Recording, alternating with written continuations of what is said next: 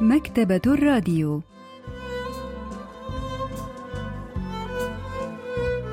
أهلا وسهلا بكم في حلقة جديدة من البرنامج الأسبوعي مكتبة الراديو الذي نستعرض من خلاله كتابا جديدا كل أسبوع. واليوم سوف نستعرض قصة أعظم عرض على وجه الأرض للكاتبة كيم هي سان. لحظات ونوافيكم بالتفاصيل.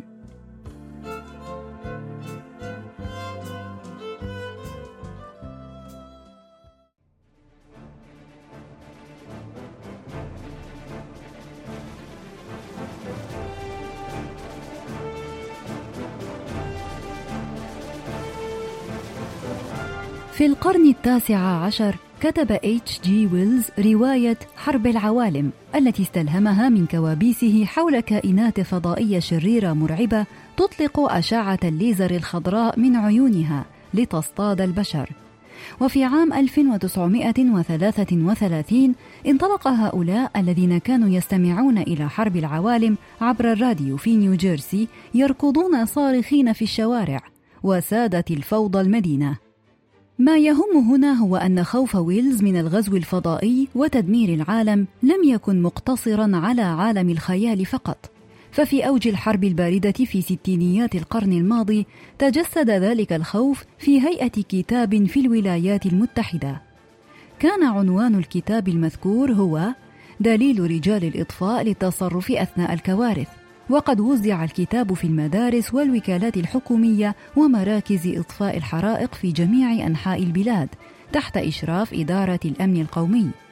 وكان أكثر فصول الكتاب إثارة هو الفصل الخامس الذي يبدأ في صفحة 47 بعنوان كيفية التعامل في حالة الهجوم من أطباق طائرة.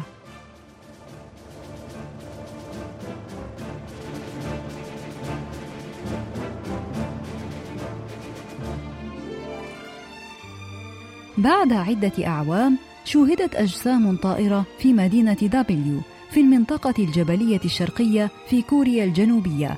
وقد تم الإبلاغ عن هذا الخبر العاجل لرجال الإطفاء التابعين لجمعية رجال الإطفاء الأمريكيين المتقاعدين في منطقة الساحل الشرقي.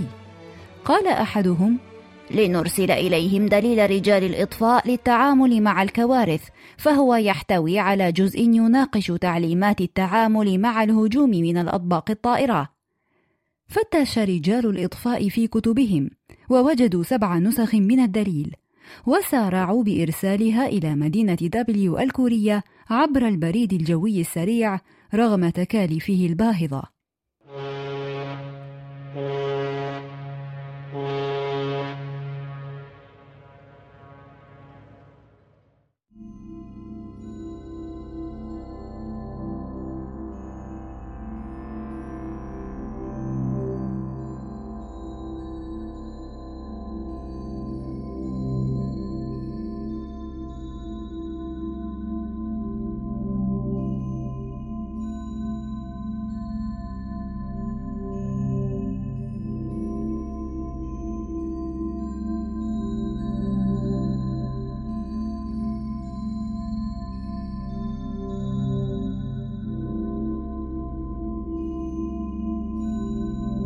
كيم هون سوك كان يبلغ من العمر وقتها 31 عاما.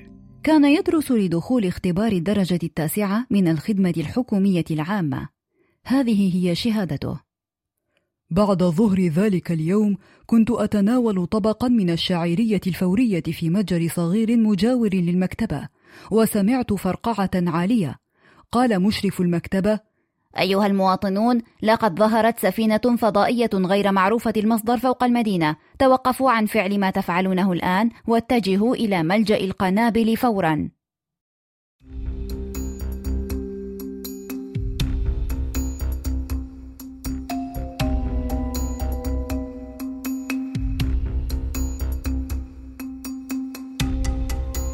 عندما تبعت تعليمات مشرف المكتبة وذهبت إلى ذلك المكان المظلم الرطب شعرت بالقلق يغمرني. أخرجت هاتفي الجوال ولكنني اكتشفت أنه لا يوجد إرسال. حاولت أن أتذكر عدد عبوات الشعيرية سريعة التحضير في منزلي وشعرت بندم غير مسبوق لأنني لم أبتع عددا أكبر من أنابيب غاز البوتان للطهو.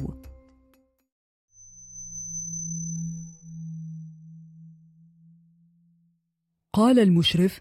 الطبق الطائر لن يصيبنا بأي ضرر الآن. تستطيعون الخروج من الملجأ لمتابعة حياتكم اليومية.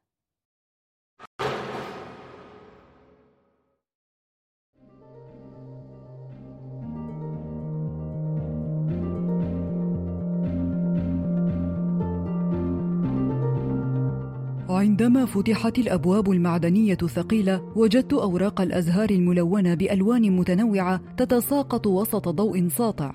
نظرت لاعلى فرايت طبقا طائرا ضخما يحلق فوق المدينة. أدركت أن ما ظننته أوراق أزهار لم يكن سوى قطع من الأوراق الملونة تتساقط من السماء.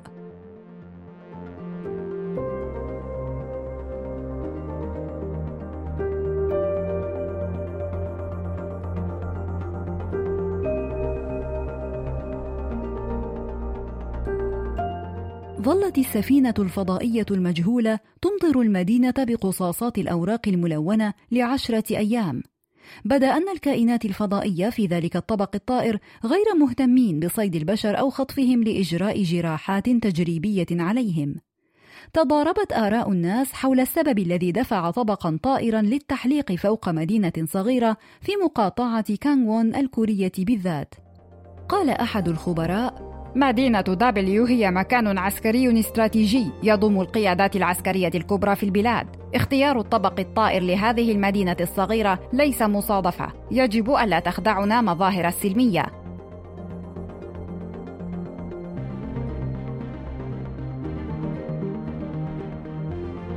رغم ادعاءات الخبراء العسكريين بغير ذلك، واصل الفضائيون نثر قصاصات الأوراق الملونة على المدينة.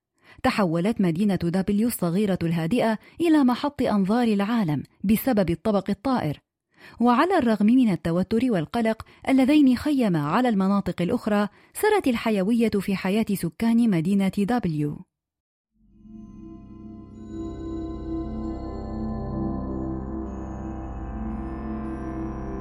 كيم جون سوك. العمر وقتها 24 عاماً. شاهد الطبق الطائر في طريق العودة إلى جامعته بعد إنهاء الخدمة العسكرية الإجبارية. هذه هي شهادته. كنت متحمسا للذهاب إلى عمل الدوام الجزئي خلال الأيام القليلة الأولى، بل إنني نسيت لفترة التفكير المستمر في طريقة لأسدد بها تكاليف الدراسة حين أعود إلى الكلية. كان أول ما أفعله في الصباح هو فتح النافذة كي أرى ما إذا كان الطبق الطائر لا يزال في السماء. كانت الشوارع مغطاة بقصاصات الأوراق الملونة التي كانوا ينثرونها كأوراق الزهور. كان أبي هو الوحيد في عائلتي الذي لم يعجبه ذلك الوضع المثير.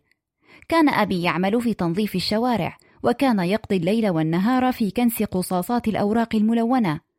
كان غضبه وتذمره قد بلغا ذروتهما قبل مهمة التنظيف الإضافية تلك. وذلك لأن عاملي تنظيف الشوارع الذين كانوا تابعين للتوظيف الحكومي أعيدت كتابة عقودهم فأصبحوا تابعين لشركات خاصة بسبب تقليص الميزانية. وذات يوم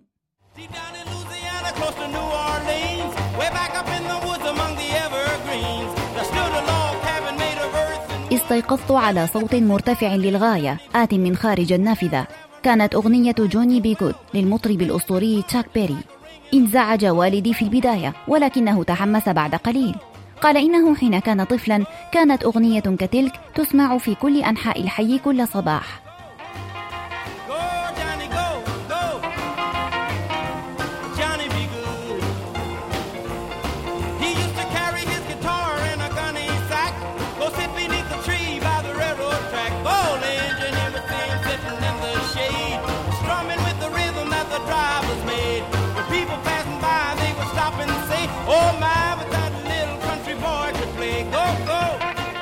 كانت أغنية جوني بي جود للمطرب تشاك بيري واحدة من ضمن الأغاني التي وضعت على القرص الذهبي لإحدى سفن الفضاء التابعة لوكالة ناسا والتي أطلقت في الفضاء عام 1977 وهو ما جعل بعض علماء الفيزياء يدعون أن الفضائيين قد اكتشفوا السفينة المذكورة وجاءوا إلى الأرض حاملين تلك الأغنية. بينما ادعى بعض الفلاسفة أن كل هذا مجرد مصادفات لا أكثر. وادعى فريق ثالث من أصحاب نظريات المؤامرة أن الأمر كله مجرد كذبة كبيرة. أطلقها مسؤول المدينة لتحقيق شعار المدينة مدينة حيوية. ولكن بغض النظر عن كل تلك النظريات كان التغير الذي صاحب انتشار الموسيقى في جو المدينة حقيقياً.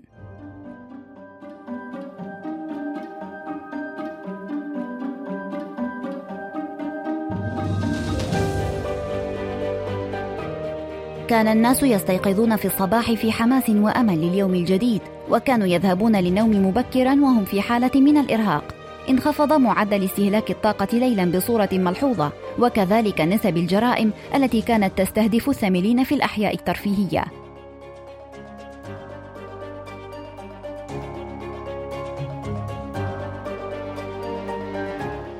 أصبح الطبق الطائر من معالم مدينة دبليو المميزة بعد أقل من عشرين يوما من وصوله إلى المدينة.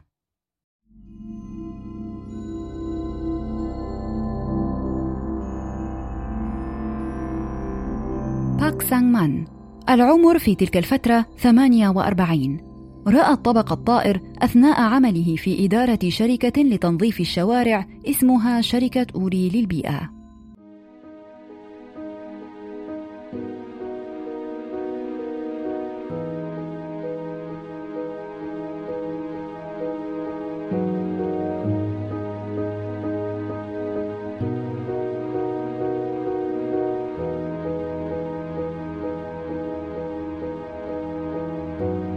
شعرت أن شيئا ما لم يكن على ما يرام عندما وجدت أن السيد كيم وبعض عمال تنظيف الشوارع قد جاءوا إلى مكتبي ذات يوم.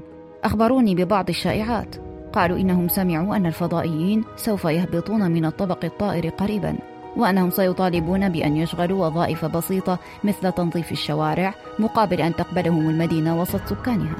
مما سيتسبب في طرد عدد كبير من عمال تنظيف الشوارع من البشر.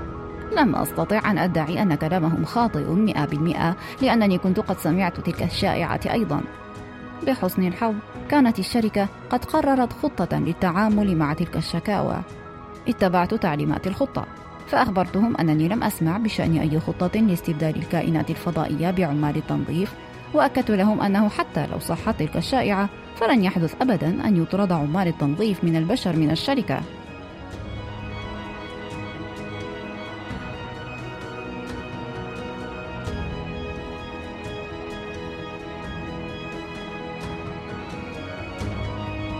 أنكرت حكومة المدينة صحة الشائعات التي تفيد أنها تعاقدت مع الفضائيين للعمل في المدينة، ولكن الناس كانوا قد بدأوا يتداولون نسخة من العقد المزعوم مع الفضائيين على شبكة الإنترنت. وقيل أيضا إن مدرسة مقفلة خارج حدود المدينة كان يتم إعدادها لتكون مسكنا للفضائيين. بل ادعى بعض سكان المدينة أنهم رأوا الفضائيين يهبطون من الطبق الطائر في منتصف الليل، وأنهم يشغلون عدة أعمال بالفعل. كانت الرؤية صعبة لأن الظلام كان دامسا ولكنني متأكد أنهم كانوا خضر اللون كان أنفي مسدودا ولكنني متأكد من أن رائحتهم كانت سيئة للغاية.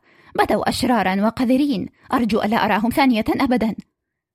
قامت مظاهرات مناهضة للفضائيين أمام مبنى بلدية المدينة وبدأ السكان يعبرون عن كراهيتهم للفضائيين. البروفيسور بانغ مين هو أستاذ الأدب الكوري بجامعة سيول الوطنية يحدثنا عن رد فعل البشر على ظهور الفضائيين. 위협이라고 생각했던 것이 색종이나 뿌려주고 شكل الطبق الطاير تهديد في البداية ولكنه بدأ ينثر قصاصات الورق الملونة ويذيع الأغاني. فتحول إلى كيان لا يشكل أي تهديد. وهنا بدأ الناس يطلقون الشائعات حوله باعتباره شيء يخفي الكثير من الأسرار. وقد ذكرت بعض تلك الشائعات أن إدارة المدينة قد وقعت سرا عقود عمل مع الفضائيين.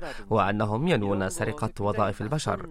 والكاتبة هنا توضح لنا كيف أن الجنس البشري عاجز عن الضيافة والترحيب بشيء مجهول غريب عنه وكيف أن البشر يعيشون على الصراعات والخلافات حتى لو تطلب الأمر اصطناع عدو وهمي.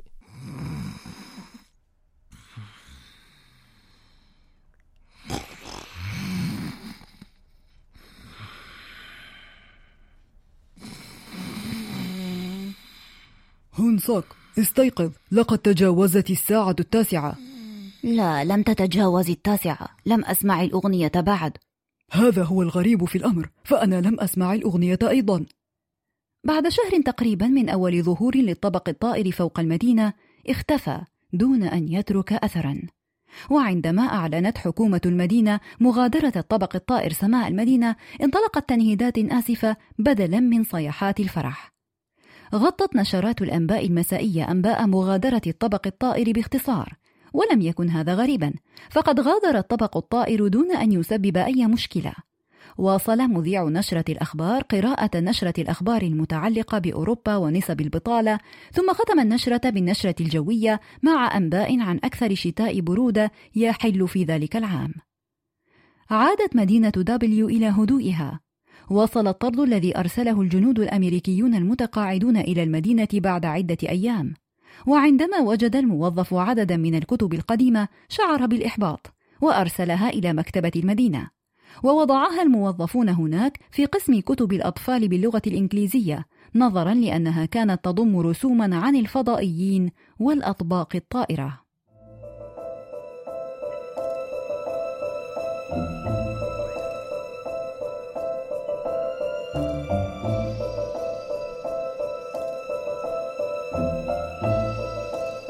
مر عدة أشهر وجد أحد الهواة المهتمين بدراسة التاريخ وكان يكتب سجلا عن أحداث الطبق الطائر كتابا نزع غلافه. كانت هناك رسالة بين صفحات الكتاب. قبل عدة أعوام نشرنا كتابا عن كيفية التعامل مع أي هجوم ضخم من الفضاء الخارجي ونحن نرجو أن تكون هذه الرسالة عونا لكم. ضم هاوي التاريخ نسخة من الرسالة لأوراقه.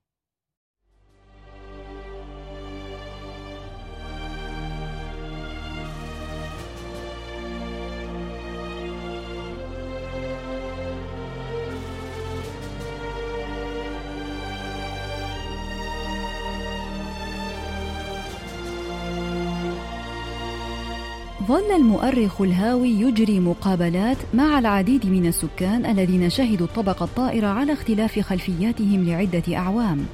لكن ربما كانت كل جهوده لا ضرورة ولا معنى لها. وذلك لأن العديد من العلماء كانوا قد نشروا العديد من الدراسات التي تدعي أن حادث الطبق الطائر فوق مدينة دبليو ربما كان مزيفا تماما. كانت الدوائر الأكاديمية قد ضمت ما حدث في مدينة دبليو إلى قائمة الأحداث الاستراتيجية التاريخية المهمة مدعية أن ما حدث كان تنويما مغناطيسيا جماعيا لسكان المدينة. لكن بالاعتماد على السجلات التي تركها ذلك المؤرخ الهاوي مجهول الاسم يبدو أن كل تلك الأحداث قد وقعت بالفعل. انتهى المؤرخ الهاوي من إجراء الحوارات التي أرادها مع من عاصروا تلك الأحداث وأقفل الملف بعدما كتب تعليقا أخيرا في نهاية الفصل الأخير. إذا كان الطبق الطائر الذي ظهر فوق مدينة دبليو قد شن هجوما على المدينة معلنا الحرب لكانت حادثة الطبق الطائر قد أصبحت ذكرى من نوع مختلف تماما. ولكن لحسن الحظ أو ربما لسوءه اختفى الطبق الطائر في هدوء تام وعادت المدينة إلى حياتها الهادئة وقد نسي الماضي تماما كأي شيء عادي رتيب. وأصبحت التجربة التي عاشها الناس تعد شيئا مزيفا انتهى الموقف دون أن يحدث شيء يذكر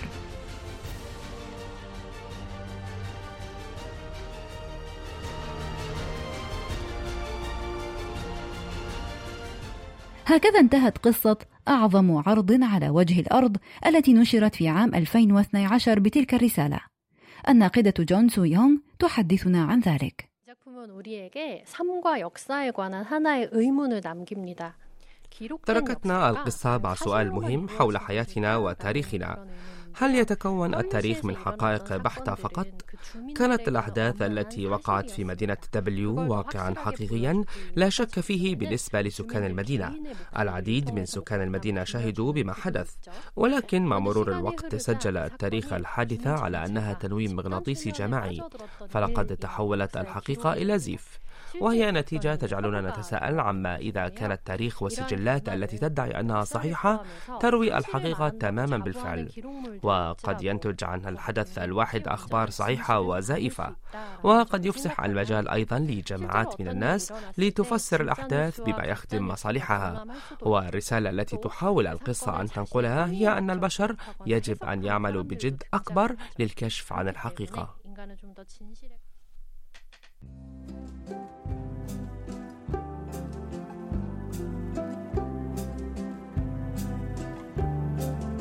استعرضنا معا قصة أعظم عرض على وجه الأرض للكاتبة كيم هي سون وإلى اللقاء في الأسبوع القادم مع كتاب جديد ومبدع جديد.